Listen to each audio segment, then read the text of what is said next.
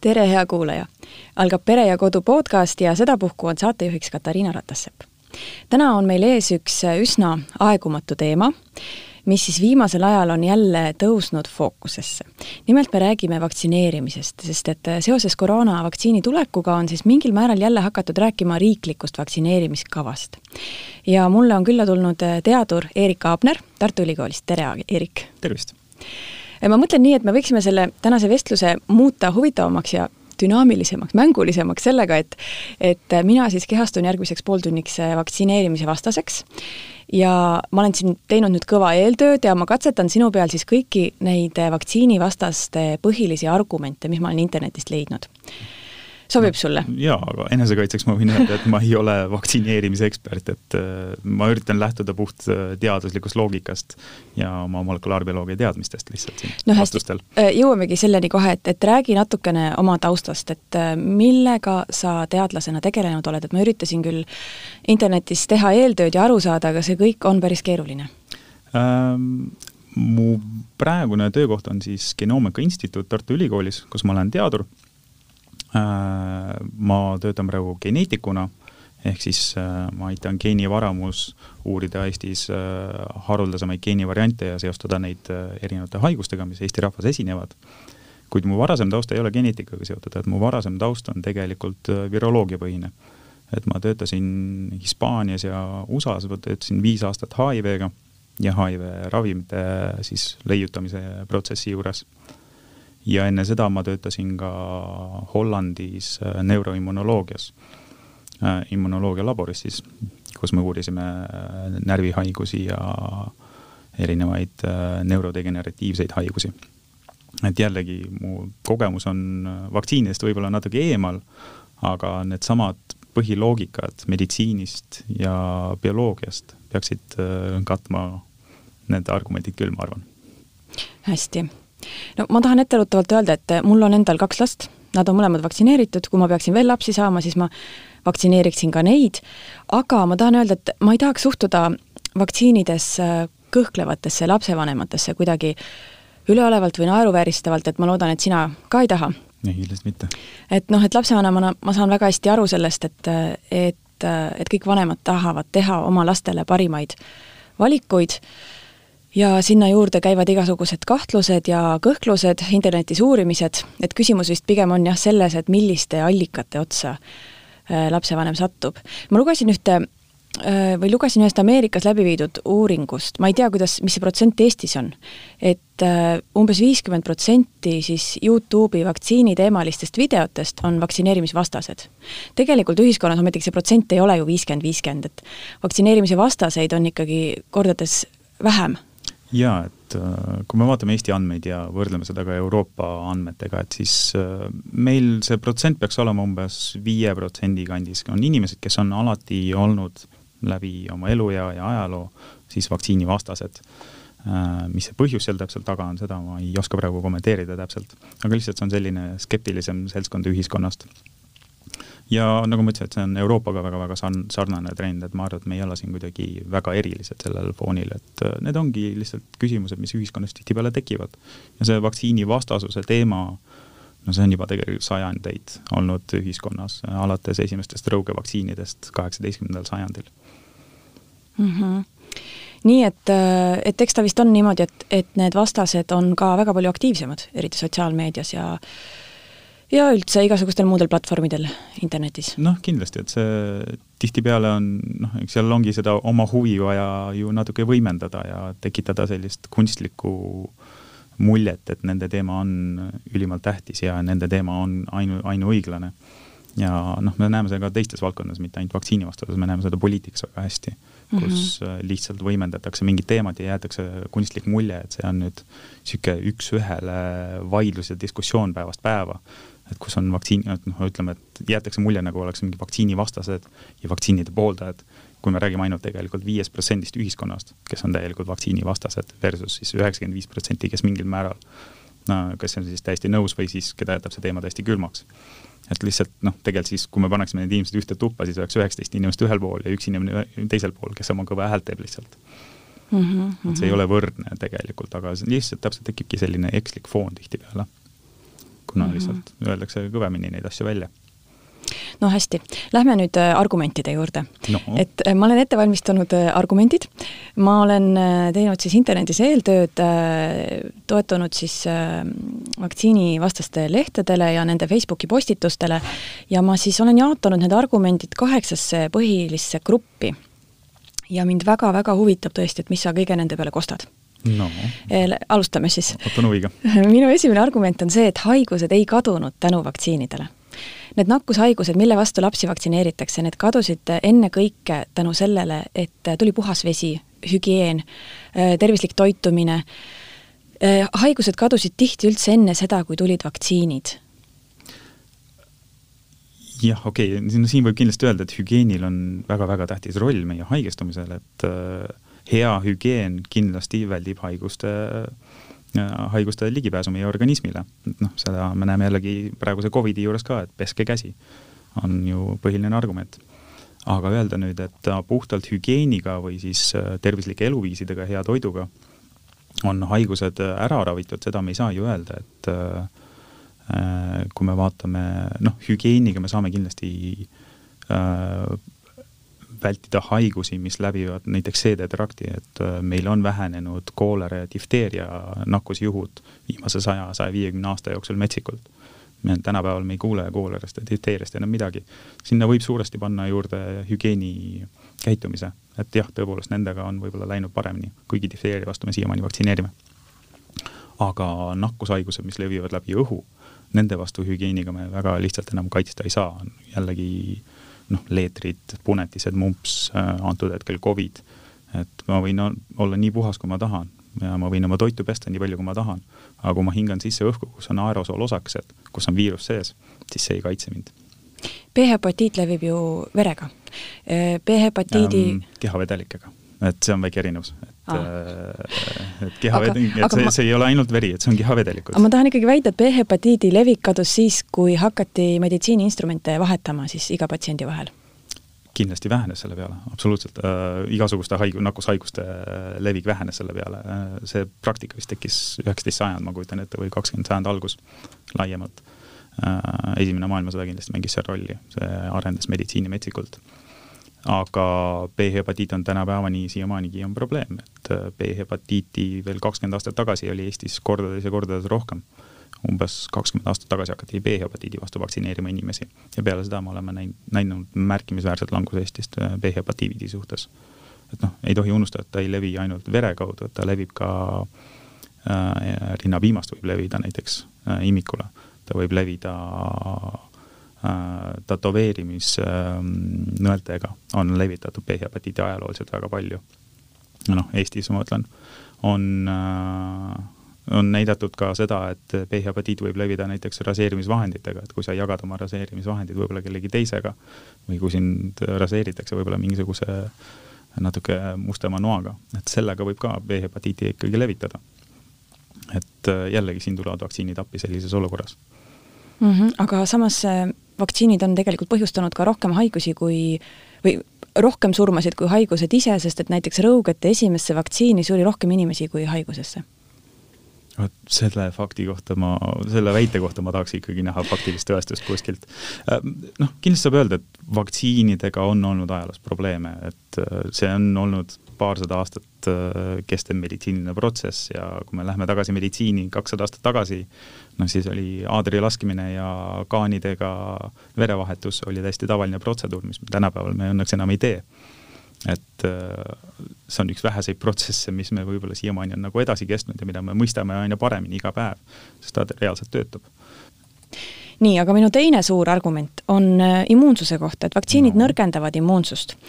Äh, kui teatud hulk inimesi põeb haiguse läbi, siis tekib karjaimmuunsus. aga kui me vaktsineerime kõiki, siis me ei saavuta karjaimmuunsust räägiksin veel sellest, et laste haigused tegelikult loovad immuunsüsteemi Eh, et kui laps põeb läbi kõik need haigused, läkaköhad, tuberkuloosid, mumpsid lapsena, siis suureks saades on tal väga hea immuunsus. aga vaktsiinid on immuunsüsteemi vägistamine väga-väga ränk niisugune süüdistus, ma kujutan ette, et see ei ole lihtne sõna. kindlasti vaktsiinid, ma ei tahaks öelda, et nad nõrgestavad kuidagi immuunsüsteemi, pigem nad ikkagi toetavad seda ja aitavad sellele kaasa. noh, kui me vaatame laste haigestumist, noh, miks on lapsed haiged, tundub, et nagu kogu aeg ja pidevalt, ongi osaliselt sellepärast, et äh, nende enda immuunsüsteem on arenemisjärgus ja nende enda keha, iga kord, kui nad kohtavad uut haigust, nende immuunsüsteem peab sellele reageerima, neil peab tekkima immuunsus igasuguste haiguste vastu. me ei vaktsineeri kõikide viiruste vastu, mis meil maailmas on Eestis ma kujutan ette, et noh, ma ei, mul ei ole täpset numbrit praegu võtta, aga neid viiruseid, mis meid nakatavad päevast päeva, mida Eesti arstid kohtavad, neid on sadu. me ei vaktsineeri nende kõikide vastu. iga väike köha ja nüha ei vaja ravi ega ka vaktsiini. vaktsineeritakse ainult kõige raskemate haiguste vastu. vaktsineeritakse nende haiguste vastu, millel on äh, väga tõsiseltvõetavad tüsistused. et sellepärast ongi võetud ette leetrid, mumps ja punetised, äh, noh, ja ka tuberkuloos ja muud asjad sest et äh, üldjuhul laps põeb selle läbi ja tal on kõrge palavik, ta on nädal aega kodus, tal ei ole hea olla, mis seal ikka, immuunsüsteem tõepoolest mingil määral, kui ta selle hästi üle elab, immuunsüsteem areneb sellest ka. aga väiksel protsendil lastes võib tekkida äh, entsefaliit või meningiit või mõned muud aju või närvisüsteemi põletikud. Ja need võivad viia juba väga raskete närvikahjustusteni, need võivad viia pimeduseni, surmani et äh, see on, see on olukord, mida ma ei soovi ühelegi lapsele, et äh, et noh, kui me võtame mingi tuhat last, kes söövad kõik leetrid, noh, Eestis vist ühe aasta jooksul kõige suurem leetrite arv on olnud kakskümmend kaks tuhat aastas, kui ma ei eksi. mis aastal see võis olla või umbes? see oli kuuekümnendatel, kui ma ei eksi, ma pean järgi vaatama seal praegu, et ei ole puusalt võtta seda aastaarvu täpselt. aga kui ma ei eksi, see oli kakskümmend kaks tuhat oli ühe, ühes aastas ja sellel aasta jooksul saadi märk-, noh, need lapsed said märkimisväärseid kahjustusi, kuna ka meditsiinisüsteemil oli raske sellega kohanduda, kus sul ühel hetkel on äkki närvi, närvihaigustega lapsi, lapsed haiglas. et äh, et ei ole vaja iga, iga haiguse vastu vaktsineerida, kindlasti mitte, aga need vaktsiinid, mis meil on olemas ja need on mõeldud, need, me kasutame neid väga konkreetsete haiguste vastu, kuna need on väga-väga ohtlikud äh, haigused ma saan aru, et need haigused võivad minna võrdlemisi kergelt, aga võib tekkida väga raskeid tüsistusi? just täpselt, et mm -hmm. ma oma lapsepõlvest mäletan väga hästi, et mul oli mumps, mul on siiamaani meeles, kuidas mul oli kuueaastaselt mumps, mul ei ole meeles, kuidas mul oli põskõbapõletik mingisugune viisteist aastat tagasi, see mind ei huvita väga. aga ma mäletan seda, kuidas mul nädal aega oli kuueaastaselt mumps, see oli üks rõvedamaid nädalaid mu elus, ma arvan. mul oli kaks korda elus oli punetis, et mul on ka see, noh, mul kohe läheks niimoodi, et ma sain ikka kaks korda selle kätte, mis on tavaliselt inimestel ühe korra elus jällegi, et see jäi meelde, sellepärast et ma mäletan juba lapsena, mul oli väga-väga halb sellest olla. kui mul oleks praegu täiskasvanuna see valik antud, kas ma tahaksin vaktsineerida või mitte, ma arvan, et ma oleks vaktsineerinud selle vastu ikkagi mm. -hmm. no räägime veel immuunsusest natukene no., et ähm, ma ütlen sulle et, et üheksakümmend protsenti meie immuunkaitsest on uurimata. et tegelikult meie loomulik immuunsus võib olla palju tugevam, kui me teame, et me võiks usaldada rohkem oma seda loomulikku immuunsust meie loomulik immuunsus tõepoolest on väga-väga tubli ja ta, me ei oleks keegi siin, kui meie loomulik immuunsus ei töötaks. et äh, noh, see üheksakümmend protsenti seal väites on natuke imelik, sellepärast et kuidas me saame öelda, et me ei tea mingist asjast mitte midagi ja siis panna sinna protsent ka veel taha, et ma ei tea sellest mitte midagi äh,. ei, et immuunsüsteemi me tunneme ikkagi väga-väga hästi immunoloogias on küsimusi, mida me ei oska veel täpselt vastata kindlasti. noh, see on teaduses on tavaline, ka meditsiinis on tavaline, et on mingisugused elemendid, aga need üldjuhul on niisugused väiksemad detailid. üldisest immuunsüsteemi toimest, toimimisest me saame ikkagi väga-väga hästi aru ja me oskame hinnata seda, mis seal süsteemis toimub täpselt sellepärast me oskame ka vaktsiine tänapäeval palju paremini disainida, kui seda me oskasime kakssada aastat tagasi. me mõistame neid väikseid detailikesi seal immuunsüsteemis, kuidas kogu süsteem toimib ja vastavalt seda, vastavalt sellele me saame seda ära kasutada immuunsuse tekitamiseks mingi haiguse vastu mm. -hmm. nii, immuunsusest veel, et ähm, leidsin sellise argumendi, et mumpsi vaktsiin on otseselt seotud vähiga kui laps põeb lapsena läbi mumpsi, mida sina oled siis teinud, äh, siis tal hilisemas elus ei teki vähki no ma loodan siis, et ma ei jää vähki, mis ikka ähm, see on nüüd, ma, ma jällegi, ma ei tea, kuskohast see võetud on, mis see allikas sellele väitele on. Äh, võib-olla tõesti kuskil on mingi teadusuuring, mis näitab, et keegi on põdenud või mingisugune seltskond on põdenud mumpsi ja neil ei ole vähki. see Aga... lihtsalt sõltub mingist valimist, jah? see sõltub kindlasti valimist, ma arvan mm -hmm. jah, et kui me võtame mingi seltskonna inimesi, kes on lihtsalt ei ole kunagi seda, on selle haiguse saanud mingi teise inimese, inimkonna, inimrühma kuskilt mujalt, kes ei ole seda saanud, siis võib-olla tõesti võib tekkida niisugune statistiline olukord, et äh, neil ei ole vähki. aga jällegi, vähk on ka niisugune teema, et äh, me tunneme, me saame vähist täna ikka, tänapäeval ikka väga-väga hästi juba aru, et kuidas on need vähi tekkemehhanismid ja mis, mis see roll seal immuunsusel näiteks taga on ja üldjuhul need on ikkagi tunduvalt keerulisemad kui see, kas mul oli lapsena mumps või ei olnud.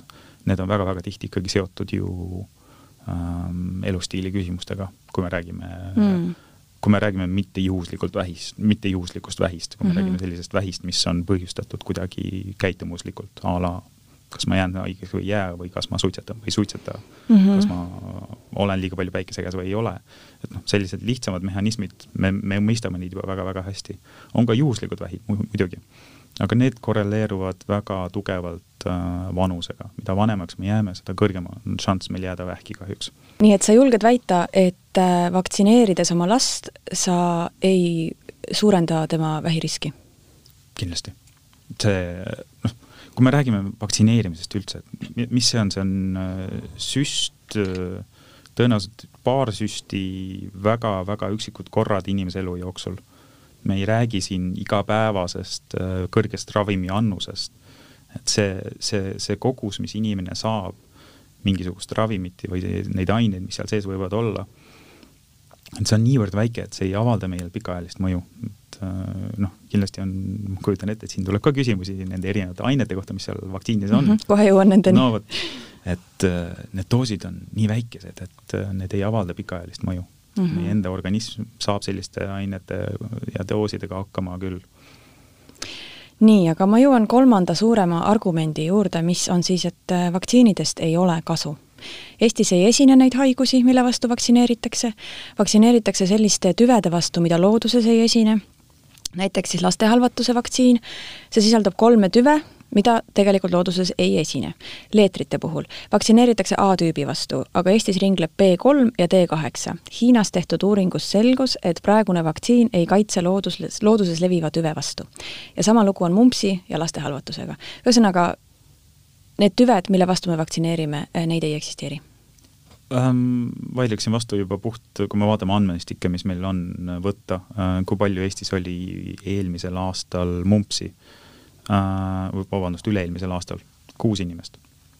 kuus inimest jäi mumpsi üle-eelmine aasta. kui me vaatame tagasi üheksakümnendate algusesse, siis need numbrid oli ikka kümnes tuhandes, kümme tuhat pluss.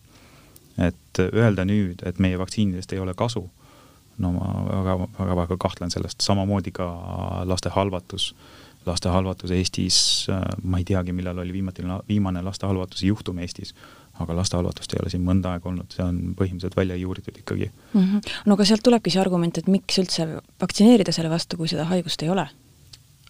noh, siin on siis järgmine, vaktsiinidel on kaks toimet, esimene toime on see ja kõige tähtsam toime muidugi on indiviidi tasane, et ma kaitsen iseennast või ma kaitsen oma pereliiget vaktsineerimisega, see on eesmärk. aga vaktsiinidel on ka teine toime, see on ühiskondlik toime see on siis see karjaimmuunsus, millest me räägime. Äh, leetrid või laste halvatus või mingi muu nakkushaigus ei saa lihtsalt levida, kui tal ei ole inimesi, keda ta nakatada saaks. seda me noh, nüüd Covidi teemaga on see on eriti aktuaalseks, kuidas me saaksime saavutada karjaimmuunsuse. et reaalsus ongi see, et kui meil on seitsekümmend protsenti inimesi, umbes seitsekümmend protsenti inimesi vaktsineeritud praegusel hetkel, siis see me katkestame need viirusnakkusahelad ära lihtsalt, et nad ei, see viirus ei saa hüpata inimeselt inimesele, inimesele, inimesele see, need ahelad on palju lühemad ja need lõpevad tupikseisus kogu aeg mm. -hmm. ehk siis isegi kui seda haigust praegu ei ole, me oleme ju reisivas maailmas, tänapäeval me oleme rohkem maailma avatud kui kunagi varem. ehk siis niipea, kui me lakkame la,, lõpetame ära igasugu vaktsineerimisprogrammid, niipea ma olen kindel, et tulevad ka needsamad haigused tagasi meile sisse. sest et me reisime kohtadesse, kus ei vaktsineerita inimesi päris kindlasti kohe mm. -hmm. ja see, ja me saame need tagasi tuua ja niipea mm, -hmm. kui sul on lasteaiarühm inim-, lasteaiarühm on täis inimesi, kes ei ole vaktsineeritud, nakatuvad samamoodi sama kiiresti. no kui me korra hüppame nüüd Covidi teema peale, siis, siis kas mul on õigus, et Covidi puhul ei piisa ka sellest, kui me vaktsineerime ainult riskigruppi? et täpselt samamoodi, et teised ju kannavad seda haigust edasi. just täpselt, et äh, noh, esimene asi on see, et see vaktsiin, mitte ükski vaktsiin, mitte ükski ravim ei ole sajaprotsendise tõhususega. et isegi kui inimene on vaktsineeritud, tal on ikkagi oht nakatuda et äh, me ei saa, me ei saa seda välistada. ja jällegi samamoodi me vaatame inimesi, kes satuvad haiglasse või inimesi, kes haigestuvad Covidisse, on suur osa inimesi, kes üldse ei saagi aru, et nad on kunagi nakatunud, asümptomaatilised. aga on teine pool inimesi, kes on mitu nädalat sirulivoodis või kes jõuavad tüsistustega haiglasse. ja ma ei räägi siin kaheksakümne, üheksakümne aastast, ma räägin kahe-kolmekümne aastastest inimestest, kes võib-olla ei peaks olema haiglas kaks-kolm nädalat äh, hingamisaparaadi küljes mm. -hmm. nii, aga räägime siis sellest riiklikust vaktsineerimiskavast edasi no et äh, vot sa just ise ütlesid, et ega tegelikult vaktsiin sajaprotsendiliselt ei kaitse, et miks ma siis üldse vaktsineerin oma last, kui see niikuinii sajaprotsendiliselt ei kaitse, et äh, selline fakt, et, et üheksakümmend protsenti viimastel aastatel äh, läkaköhasse nakatunutest olid tegelikult vaktsineeritud mm,? ma tahaks teada, mis aastal see täpselt oli um mul, ma kahjuks ei oska seda kommenteerida praegu, seda konkreetset juhtumit et, üheksakümmend protsenti olid vaktsineeritud um,. noh, sellegipoolest kindlasti see karja immuunsuse efekt säilib, et sellegipoolest isegi, kui meil on mingisugune hulk rahvast vaktsineeritud juba, see aitab kaasa nendele ahe, ahelate läbilõikamisele, nende nakkusahelate läbilõikamisele. ja teine asi on, mis noh mida, mida näeb palju erinevate noh, mitte ainult vaktsineerimisvastasuse hulgas, aga muude pseudoteaduste valdkondade juures, on see teemade niisugune absoluutsus, niisugune seinast seina hüppamine, väga niisugused äh, radikaalsed väljaütlemised, vaktsiinid töötavad või vaktsiinid ei tööta, vaktsiinid on mürgised või vaktsiinid ei ole mürgised ähm,. noh, elu ei ole absoluutväärtustes, me ei ole binaarsed, ei ole jah ja ei, elu on hall.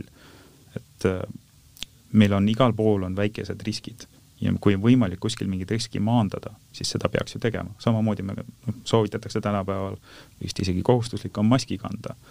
mitte sellepärast, et ta annab meile sajaprotsendilise kaitse, vaid sellepärast, et ta aitab natukenegi vähendada seda riski. samamoodi see vaktsineerimine aitab vähendada seda riski. No rääkides konkreetsest haigusest, siis vaktsiin, vaktsineerimisvastastel on selline argument, et B-hepatiit, et see on suguhaigus, et miks, miks imikuid selle vastu vaktsineerida noh, jällegi, et ta on, ta on mitte ainult suguhaigus, vaid ta levib kehavedelikega, et äh, rinnapiimaga võib ta levida, ta võib isegi hambaharja peal levida, kuna sul tekivad suus aeg-ajalt näiteks äh, suuhügieeni puhul, suuhügieeni tarbeid kasutades ähm, mikrohaavandid. me ise neid ei märka, me ise ei saa sellest aru, aga kuskil tekib mingi väike kriime ja see on ideaalne keskkond, kus kaudu saab äh, siis äh, nakkushaigus, mis on siis, mis levib kehavedelikega sisse tungida ja meid nakatada. ja B-hepatiidi puhul on veel teada, et see on äh, just, äh, ta põhjustab maksatsirroosi, maksapõletikku, aga see maksapõletik on eriti raske just lastel ja see risk saada see maksapõletik on suurem lastel kui täiskasvanutel B-hepatiidi tagajärjel. et jällegi, miks me peame lapsi, lapsi sellest, lapsi selle eest juba vaktsineerima, ongi just sellepärast, et jällegi vähendada seda riski ja jällegi noh, ega kõik lapsed ei saa maksapõletikku sellest haigusest aga kui me suudame kuskil natukenegi vähendada seda koormust ja natukenegi vähendada neid kannatusi, siis me peaksime ühiskonnana seda tegema mm. -hmm, mm -hmm. no ütlen veel äh, vaktsiinide kasutuse kohta sellise argumendi, et, äh, et aga miks just nii-öelda tavameditsiini ehk siis tõenduspõhise meditsiini poole pöörduda, et homopaatilised vaktsiinid on täpselt sama tõhusad? Vot ma sellist äh, teadusuuringut veel ei ole kunagi näinud, et üks homoöpaatiline, tõsi homoöpaatiline ravim Äh, töötaks, et seda on üritatud näidata küll ja küll ja küll ja küll. homöopaatia kahjuks ei tööta, teaduslik põhjendus seal taga ei ole. homöopaatial kindlasti on platseeboefekt, ehk siis ähm, äh, inimese mõistus ja meel on väga tugev, väga tubli niisugune abimees meil, kui me usume, et midagi meid ravib, siis tõepoolest see aitab kaasa ja see on parem kui see et äh, meil ei ole üldse usku, et midagi meid ravib. ja üldjuhul seda, see on mõõdetav ja seda on näidatud teaduslikult, et platseeboefekt aitab, et kui inimene usub, et teda millegagi ravitakse, näiteks homöopaatiaga, siis see tõepoolest, see efekt on suurem kui see, et ta, ta tervenemisšanss on parem kui see, kui inimene, kes, kellel puudub see usk täielikult. aga kõiki meditsiinivahendeid, kõiki ravimeid, kõiki vaktsiine võrreldaksegi platseeboefekti kõrval, mitte, mitte, mitte niisama nakatumata või äh, või ravimata inimeste kõrval, et igasuguse ravimi toime peab olema kõvem ja tugevam, kui see on platseeboefekt mm. -hmm no hästi, äh, neljas suurem argumentide rühm äh, on siis nende koostisainete kohta, mida sa juba korra enne mainisid, et, et ma väidan sulle, et vaktsiinide koostised on kahtlased, mürgised, uurimata alustame esimesest ainest, see on siis elav hõbe. teada on, et enam teda vaktsiinides ei kasutata, küll aga on ta alles gripivaktsiinis. ja väga levinud on siis see järeldus, et elav hõbe vaktsiinides põhjustab autismi, kolmekümnendatel hakati esimest korda vaktsiinides elavhõbedat kasutama ja juba neljakümne kolmandal aastal diagnoositi esimene autismijuhtum ja sealt alates on iga aasta diagnoositud üha enam autismi no see läheb nüüd üld, üleüldisesse, no siin võib-olla peaks mingi arst paremini kommenteerima või meditsiini ajaloolane äkki, aga autismi diagnoosimine on läbi ajaloo olnud, ta on muutuvas olekus olnud, et enne neljakümnendat lihtsalt autismi sellist kui terminina ei eksisteerinudki väga. ja näiteks need lapsed, kes olid, keda, kellel noh, tänapäevase terminoloogia järgi oleks siis autism, neid omal ajal klassifitseeriti kui lapse, lapsepõlve skisofreeniana ehk siis lihtsalt see, see sõna seal taga on muutunud. ja samamoodi ka meditsiini, erinevate meditsiiniliste lähenemiste arengutega on ka autismi äh, definitsioon muutunud ja me oskame tänapäeval palju paremini äh, selgitada seda, mis inimese kehas toimub ja me oskame võib-olla paremini kategoriseerida.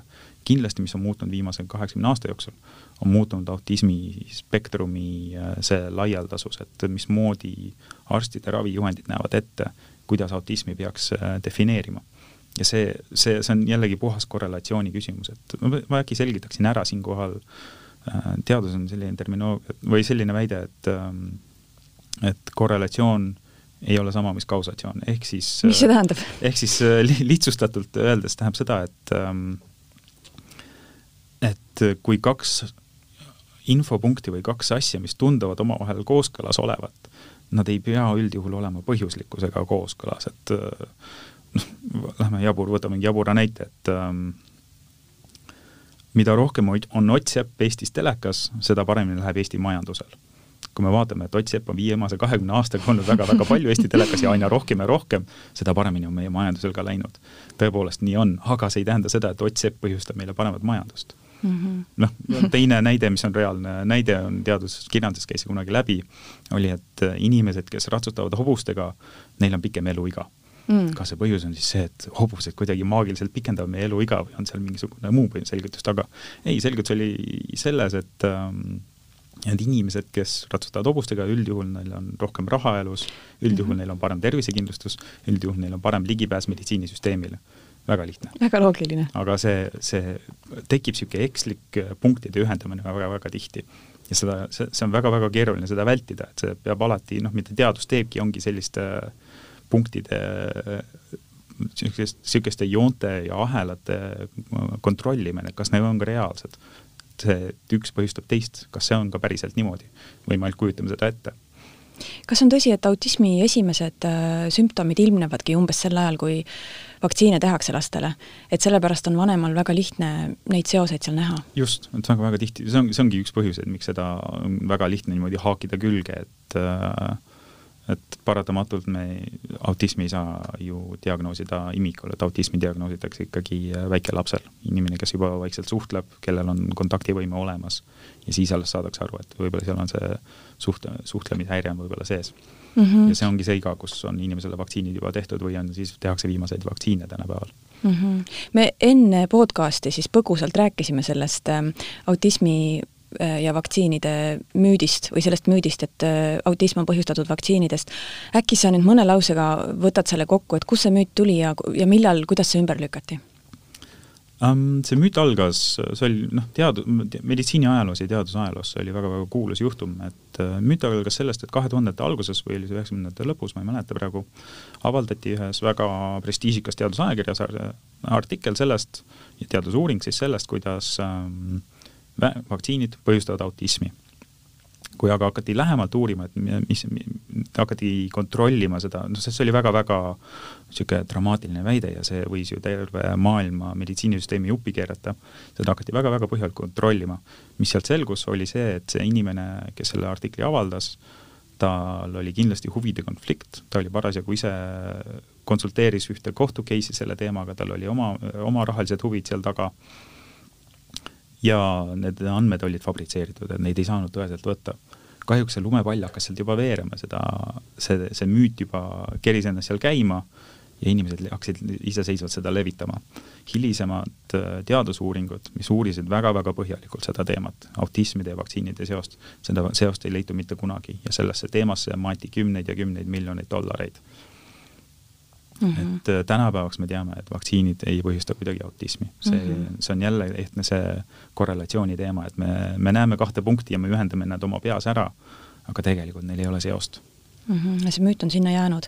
aga ma liigun edasi järgmise aine juurde, see on alumiinium ehm,. on leitud, et autistide ajus on ka palju alumiiniumit.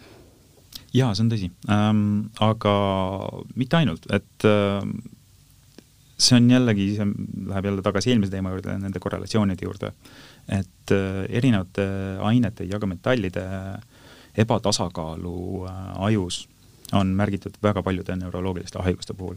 see on teada nii Alžeimeri puhul mm, -hmm. see on teada nii multiplex skleroosi puhul.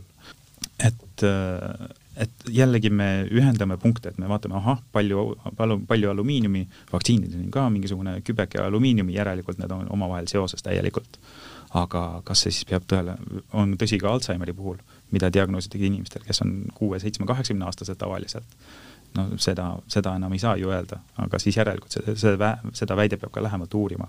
et minule kui bioloogile pigem tundub see olukord, et ma, ma ei oska kahjuks öelda, miks see alumiinium seal on ja miks seda seal neuroloogiliste haiguste puhul rohkem näeb. aga minule kui bioloogile tundub, et seal on tegelikult taga mingisugune metaboolne häire, et see haige aju ühel või teisel põhjusel ei ole võimeline normaalselt äh, puhastama välja võõraid elemente, et äh, seal tõenäoliselt on mingisugune ainevahetuse probleem taga nende haiguste puhul mm. -hmm. aju on kompleksne ja aju on äärmiselt raske uurida elusal inimesel, noh, võimatu põhimõtteliselt.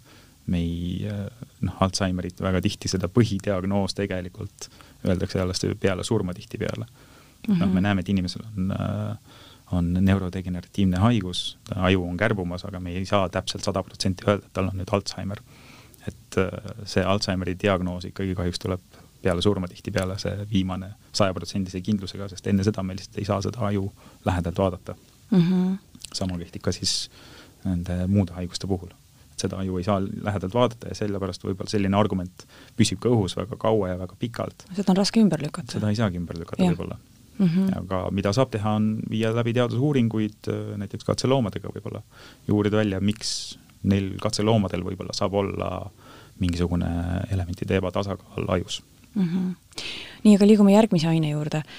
selleks on formaldehüüdid, äh, mis siis äh, peaksid olema nendega, kui nendega töötada, nad peaksid olema väga ohtlikud ja nende süstimise kohta ei ole uuringuid tehtud tõepoolest, formaldehüüdi kasutatakse laboris palju seda kasutatakse ka noh, seda, seda, seda, seda kohtab äh, erinevates meditsiiniasutustes palju ja ta on mürgine. Äh, vahe on selles jällegi doosis, et äh, see, need kogused ja need kontsentratsioonid, mida laborites kasutatakse, need on miljoneid korda kõrgemad kui see, mis on mingisuguses vaktsiinidoosis formaldehüüd oma olemuselt tegelikult ei ole võõras inimkehale või üldse loomakehale, formaldehüüd on väga tavaline osa meie kehas.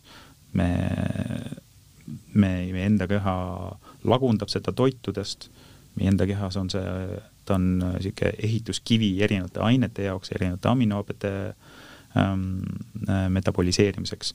ta on täiesti tavaline olemus, täiesti tavaline aine meie kehas. küsimus on doosis, et äh, see, see doos, mis seal vaktsiinides on, teadaolevalt on ikkagi nii, niivõrd väike, et mm -hmm. see ei mhm. muuda mitte midagi, et ma kuskilt guugeldades leidsin kiiresti mingi numbri, et äh, pirnis on äh, sadu kordi rohkem, ühes pirnis on sadu korda rohkem seda formaldehüüdi, kui seda on meil äh, äh, vaktsiini, ühes vaktsiinidoosis.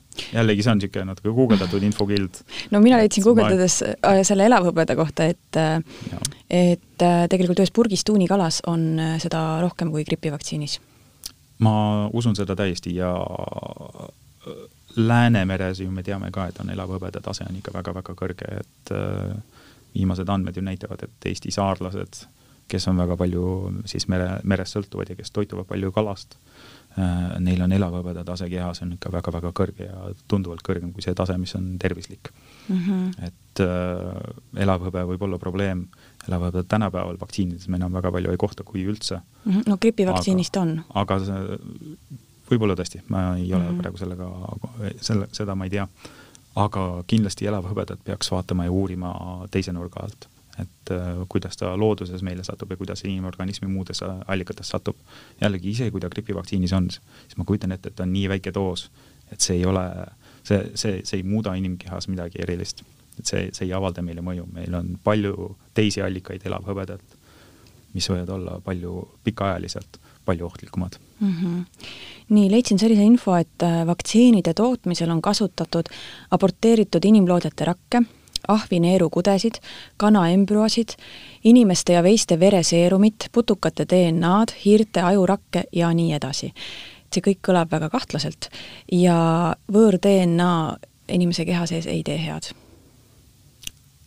ähm,?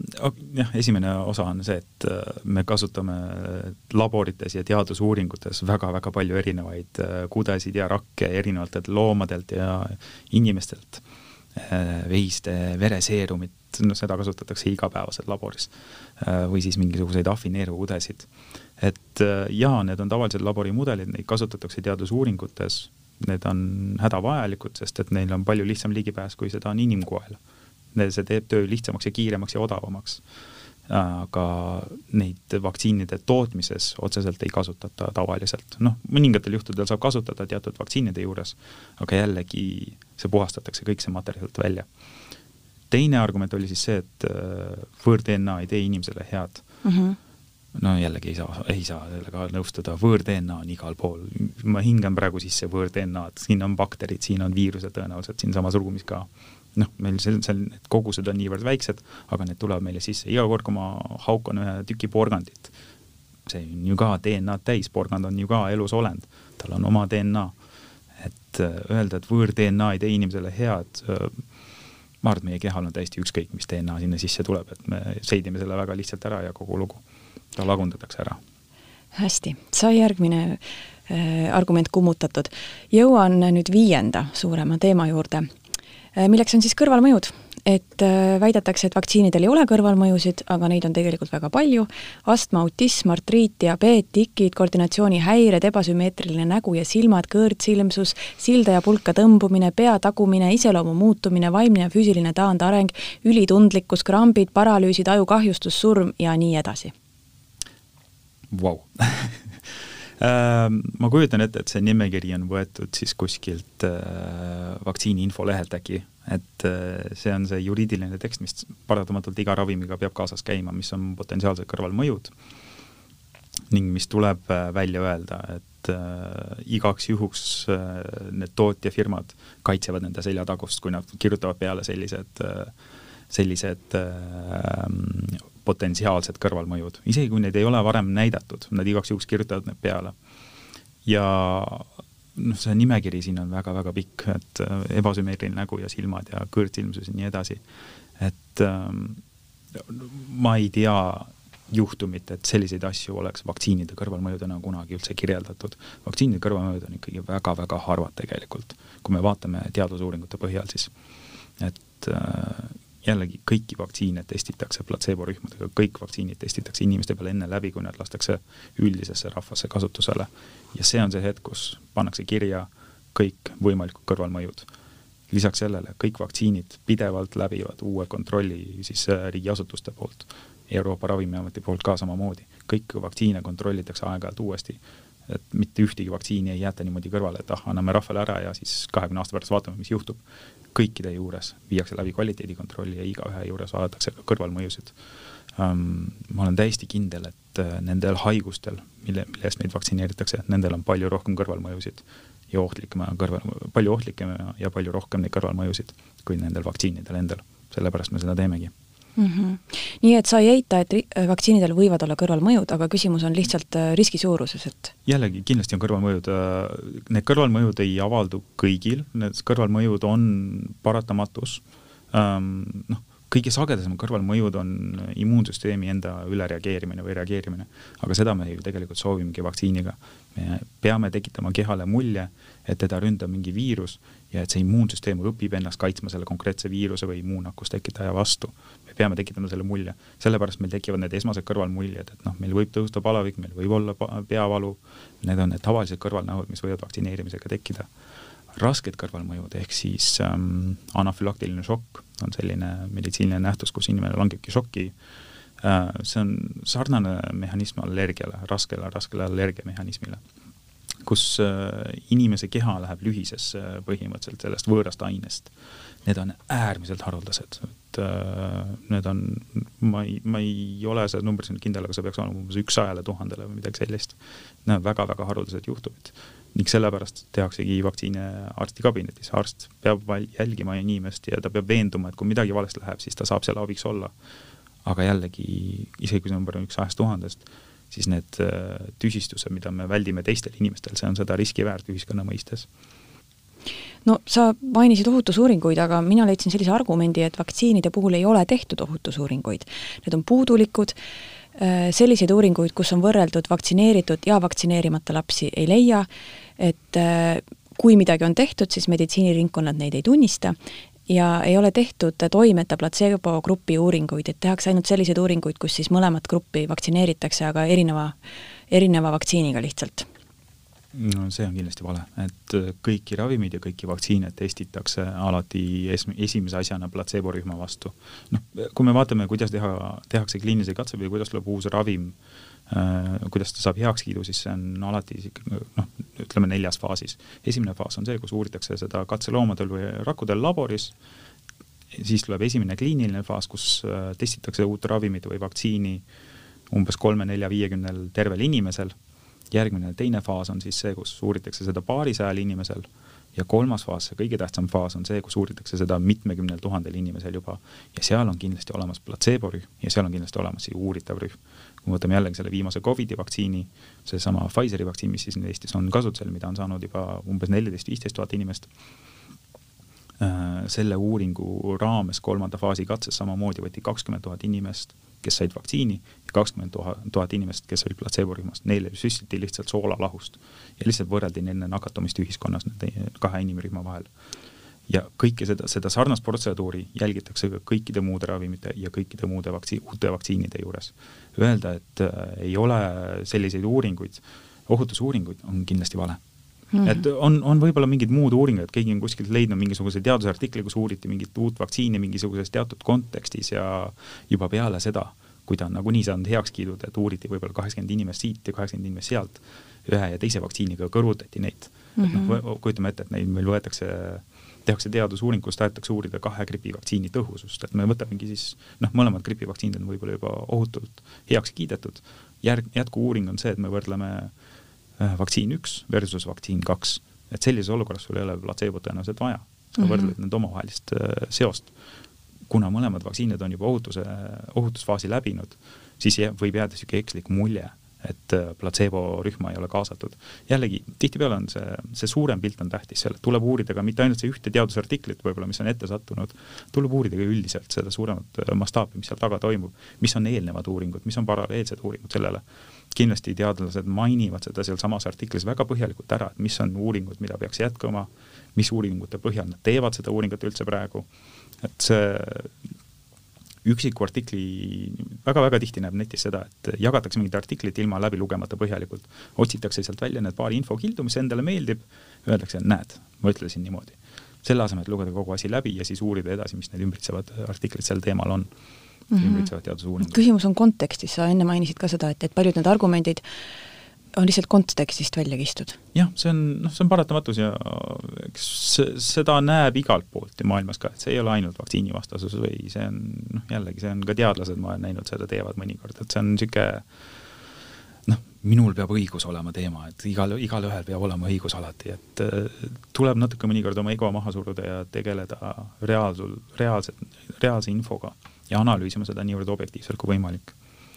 nii, aga ma jõuan nüüd järgmise äh, argumentide grupi või järgmise teema juurde, mis on siis see, et info vaktsiinide ohtlikkuse kohta vaikitakse maha. meedias ei avaldata lugusid vaktsiinide kahjulikkuse kohta, sest reklaamitellijad ja meediaettevõtete omanikud, kes on seotud ravimiäridega, on selle vastu. arstid ei tohi rääkida vaktsiinide kõrvalmõjudest, nad kardavad kaotada oma töö, enamik arste ise ei vaktsineeri oma lapsi, arstid saavad vaktsineerimise eest lisatasu, ravimitööstus teenib aastas vaktsiinide pealt kuuskümmend miljardit dollar, dollarit ravimitööstus üksiti ka rahastab meditsiinikoole, meediaettevõtteid ja teadlasi, kes teostavad teadusuuringuid. arstid, ajakirjanikud ja teadlased on ravimitööstuse käpa all siin teadlasena mul on väga raske kommenteerida, aga mulle kõik need argumendid praegu, need ju langevad ikkagi noh, kui me vaatame, noh, nad langevad ikkagi vandenõuteooriate äh, suunda. et siin, siin ei, siin ei ole ju ühtegi faktipõhilist väidet praegu, see on kõik puhtalt spekulatiivne.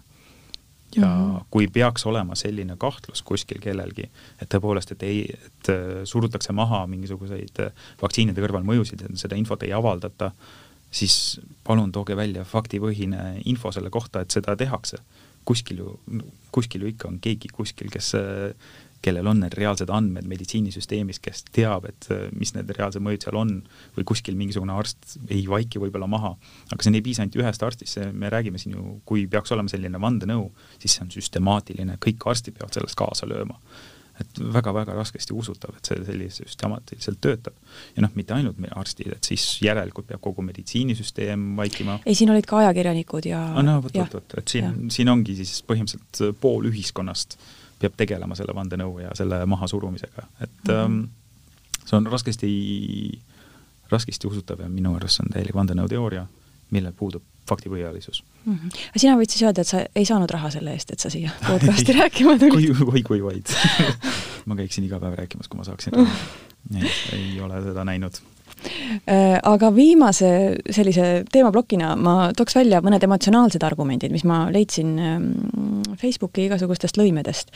et vaktsineerimise taga on hirm, äkki juhtub midagi, aga mina eelistan elada hirmuta. otsusta südamega, peamine on, et sa teeksid otsuse hea tundega. mis sa selle peale ütled? Ma vastaksin vastu, et äh, me elame ikkagi ohtlikus maailmas, et me elame, meil on väga hea keskkond praegu, kus me elame siin Eestis ja meil on väga rahulik, meil on väga rõõmus elu siin. noh, võib-olla praegu Covidiga on natuke keeruline, aga üldjuhul meil on väga ohutu maailm. aga me unustame ära, et tegelikult reaalses elus on nakkushaigused, meil on meditsiin, meditsiin ei suuda meid kõige eest kaitsta ja inimkeha on paratamatult õrn. C-vitamiini ja D-vitamiiniga sa ei kaitse seda kõike ära, neist on kasu kindlasti, aga sellest ei piisa. ja vaktsiinidega me saamegi teha, tekitada endale tegelikult noh, ma tunneksin ennast palju ohutumalt, kui mul on kõik vaktsiinid sees ausalt öeldes või kui mul on immuunsus kõikide nende haiguste vastu. noh, ma, ma ei, ma ei näe siin seda loogikat, et pimesi joosta silmaklappidega mööda maailma ringi ja öelda, et minuga ei juhtu midagi, ma ei, sest ma elan hirmuta. see, see ei kaitse sind tegelikult reaalses, reaalsuse eest no üsna levinud on ka selline argument, äh, kus siis võrreldakse oma tutvusringkonna lapsi, et minu naabri lapsed on vaktsineerimata ja nemad on terved, aga minu töökaaslase lapsed on vaktsineeritud ja nemad on haiged. nojah, ähm, iga inimene on erinev paraku, et meil kõigil, meid kõiki tabavad erinevad haigused siin elus ja erinev, me oleme igatpidi erinevad inimesed kõik ja öelda nüüd, et see on nüüd puhtalt vaktsineerimise pärast, noh, ma olen kindel, et need lapsed oleks erinevad ka ilma vaktsineerimata noh, mis on normaalne, kõik lapsed ongi erinevad, kõik täiskasvanud on erinevad. see moodustabki ühiskonna ju, et um, see, see jällegi väga raske on öelda, et see on nüüd vaktsineerimine, lihtsalt see on toodud niimoodi musta lipuna välja, et näe, vaktsineerimine põhjustab selle äh, laste haiguse siin. et ähm, ei, lihtsalt ongi inimesed erinevad, inimeste immuunsüsteemid on erinevad, nad reageerivad erinevalt mm. -hmm. no öeldakse ka seda, et, et on valus vaadata, kuidas pisikest last torgitakse suure nõelaga arusaadav, kindlasti um,, aga jällegi selle asja eesmärk ei ole ju lapse piinamine, selle asja eesmärk on ju vältida suuremat kahju oma lapsele, et noh, kui sa tegelikult hoolid oma lapsest, siis sa ju soovid talle ju kõige parimat, ma kujutan ette. ja sa väldid suuremat kahju ikkagi sellega.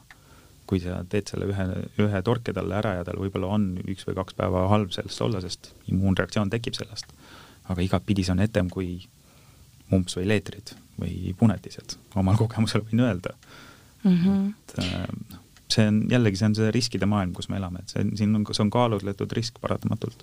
jah, no seoses nende riskidega, et kas meditsiinivaldkonna puhul võib tuua paralleeli selle rongi dilemmaga eetikavaldkonnast, et see on siis see, et mm -hmm. sõidab rong ja ees on neli inimest, kelle ta siis paratamatult sõidab üle.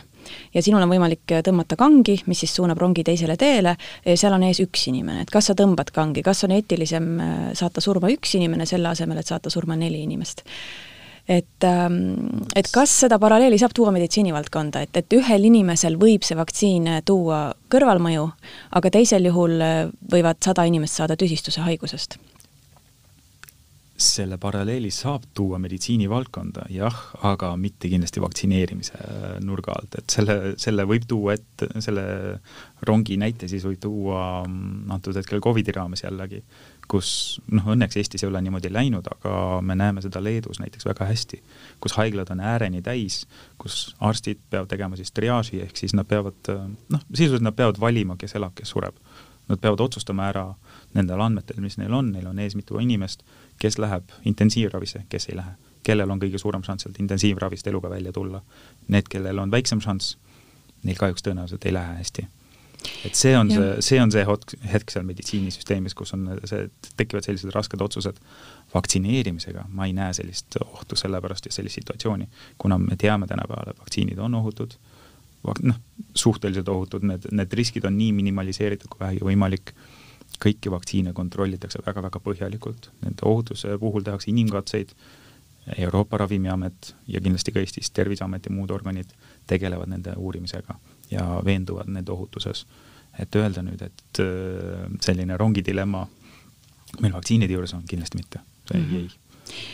kui me kasutame maske ja hoiame distantsi, siis me hoiame just ära seda, et varst-, et arstid peaksid langetama rongidilemma otsuseid. just, et äh, võib-olla valitsuse otsused praegu on siin viimasel ajal ebapopulaarsed olnud, aga noh, arusaadav, see põhjustab rasket majanduslikku olukorda paljude inimestele, stressi, mida veel aga jällegi me väldime sellega suuremat kahju. see, see väike kannatus praegu aitab meil tegelikult elada paremini tulevikus no me oleme nüüd äh, kapanud äh, üle kõik need äh, argumendid, mis mina internetist leidsin. ma küsiks lõpetuseks kiiresti Covidi vaktsiini kohta, et kuidas üldse tänapäeval vaktsiine luuakse, kuidas see saadi nii kiiresti luua? See on hea küsimus no siin on palju erinevaid argumente taga, et noh, praegu need kaks vaktsiini, mis on Eestis siis heaks kiidetud, mida me saame Eestis kasutada, on Moderna ja Pfizeri vaktsiinid ja need on RNA vaktsiinid. Ehk siis äh, siin on, tegu on täiesti uue tehnoloogiaga, mida vaktsiinide juures varem ei ole kasutatud. Ja miks ta nii kiiresti sai toota, noh lisaks sellele, et eh, maailmas pandi kümneid ja kümneid miljardeid dollareid sellesse vaktsiini arendusse üleüldiselt. Noh, see lihtsalt tõhustas seda, seda tarneahelat ja kogu seda tootmisprotsessi ja leiutamisprotsessi, kuna varasemalt lihtsalt äh, äh, firmadel ei olnud sellist raha käes ja sellist initsiatiivi. Osalt, miks see nii kiiresti sai teha, on see, et meil oli kiire ja lihtne teha inimkatseid. sest et meil on palju haigeid, meil on palju haigestumusi, me saame lihtsalt kiiresti mõõta seda, kui ta, kui, kas vaktsiin on tõhus või ei ole tõhus SARS oli selline haigus aastal kaks tuhat kolm, sama perekonna viirus, mis on meil praegune, see SARS-CoV-2, nakatas meid aastal kaks tuhat kolm ja tol hetkel juba hakati tootma esimesi vaktsiine, aga me ei saanud neid kunagi testida, sest mitte keegi ei nakatunud enam. see, see, see suudeti ära isoleerida, see nakkus, ennem kui see suuremat kahju jõudis teha ja tol hetkel toodetud vaktsiinid jäidki pooleli. aga selle praegu uue haigusega me saime jätkata sealt kohast, kus meil varasemalt pooleli jäi ja miks ma ennem seda tehnoloogiat mainisin, on see, et äh, see uus tehnoloogia on bioloogilises mõistes tunduvalt lihtsam, see vaktsiini olemus on tunduvalt lihtsam kui varasemad vaktsiinid. ta teeb äh, selle tootmisahela teeb palju lihtsamaks ja ta teeb selle bioloogilise mehhanismi ka natuke lihtsamaks, ehk siis meil on palju lihtsam seda kogu süsteemi kontrollida ja toota seda asja mm. -hmm. no siit tekib kindlasti ja. hirm, et kui see on uut tüüpi vaktsiin, siis seda justkui ei, selle pikaajalisemaid mõjusid ei ole veel nähtud. jällegi mainin ära, et ta on, ta on tunduvalt lihtsam oma struktuurilt ja olemuselt, kui seda on varasemad, et noh äh,, kui me võrdleme näiteks äh, kahte vaktsiinitüüpi, mis nüüd tulevad, AstraZeneca, ta toob oma vaktsiini ja Pfizer on ju meil juba turul. AstraZeneca kasutab äh, adenoviirusel põhinevat siis äh, vaktsiini, mis tähendab seda, et me võtame inimesele väga ohutu viiruse, ta, ta üldjuhul tegelikult nakatab ahve, me võtame selle nii-öelda ahvi viiruse, me koogime ta seest tühjaks ja me paneme sinna sisse vajalikud osad, et tekitada immuunsust äh, inimesel siis selle uue SARS-CoV-2 vastu see on suhteliselt kompleksne mehhanism ja selle tootmine on natuke keerulisem, see võtab aega ja see tõhusus on madalam, kui meil uue selle vaktsiinisüsteemiga on. RNA vaktsiini puhul me ei pea kasutama seda, kogu seda ahvi viiruse süsteemi, me lihtsalt võtamegi selle RNA, selle geneetilise info, mis sinna selle adenoviiruse sisse oleks läinud, aga me suudame selle viia otse inimese rakku. ehk siis me teeme selle, see, selle, kogu selle protsessi me teeme palju-palju lihtsamaks, me teeme tootmisprotsessi lihtsamaks, me teeme ka inimese kehas selle süsteemi palju lihtsamaks. kui nüüd rääkida pikaajalisest ohtuse, ohtudest, äh, me viime palju vähem aineid ka sisse, palju vähem äh, seda nii-öelda viiruslikku materjali, mis, äh, mis peaks meile selle immuunsuse tekitama. ja RNA on oma olemuselt, see molekul biokeemiliselt, on oma olemuselt väga-väga ebastabiilne, et äh, tal, talle ei meeldi olla vabas keskkonnas, kuna inimkehas on väga palju valke, mis lagundavad just RNA-d. ehk siis see RNA ei püsi meie kehas igavesti, see RNA lagundatakse päevade või nädalate jooksul mis on ka põhjus, miks me peame saama kaks süsti selle vaktsiiniga, kuna meil lihtsalt see RNA lagundatakse nii kiiresti ära, et ta ei anna meile pikaajalist toimet. Sellepärast tehakse mitu, mitu süsti, et oleks piisavalt kõrge tase kogu aeg see veres seal esimesed nädalad, et immuunsüsteem jõuaks pikaajaliselt ka reageerida sellele ja tekitada immuunsuse mm. -hmm. kui kaua Covidi vaktsiin siis inimesi kaitseb no see on praegu põhiküsimus, et äh, kahjuks seda keegi vist ei oska veel öelda um, mis me saame kasutada, võtame needsamad äh, vana kaks tuhat kolm aasta SARS-i puhangu näite äh,, siis vaadati, et inimestel püsisid antikehad ehk siis need molekulid, mis kaitsevad sind selle viiruse eest, need püsisid keskmiselt kaks aastat veres. aga see on keskmiselt, mis tähendab seda, et mingil inimesel olid nad ainult kuus kuud ja mingil inimesel olid nad võib-olla kolm-neli-viis aastat et see on raske öelda, et see on väga individuaalne kindlasti, et immuunsüsteemi üks raskemaid osasid, mida me võib-olla ei mõista nii hästi veel, on see, et kuidas need antikehad mõnel inimesel püsivad kauem, mõnel inimesel vähem. aga praegused andmed näitavad, et inimesed, kes nakatusid kevadel, on üldjoontes siiamaani immuunsed. on, on teatud mingisugune kümme protsenti inimesi võib-olla, kellel on antikehad juba vähenema hakanud, aga üldiselt on inimesed immuunsed ma kujutan ette, et siis uue vaktsiiniga samamoodi, et äh, valdav osa inimesi on aasta hiljem ikkagi veel immuunsed mm. -hmm. ja mainiksin siinkohal ära ka siis, et äh, gripivaktsiini me teeme iga aasta.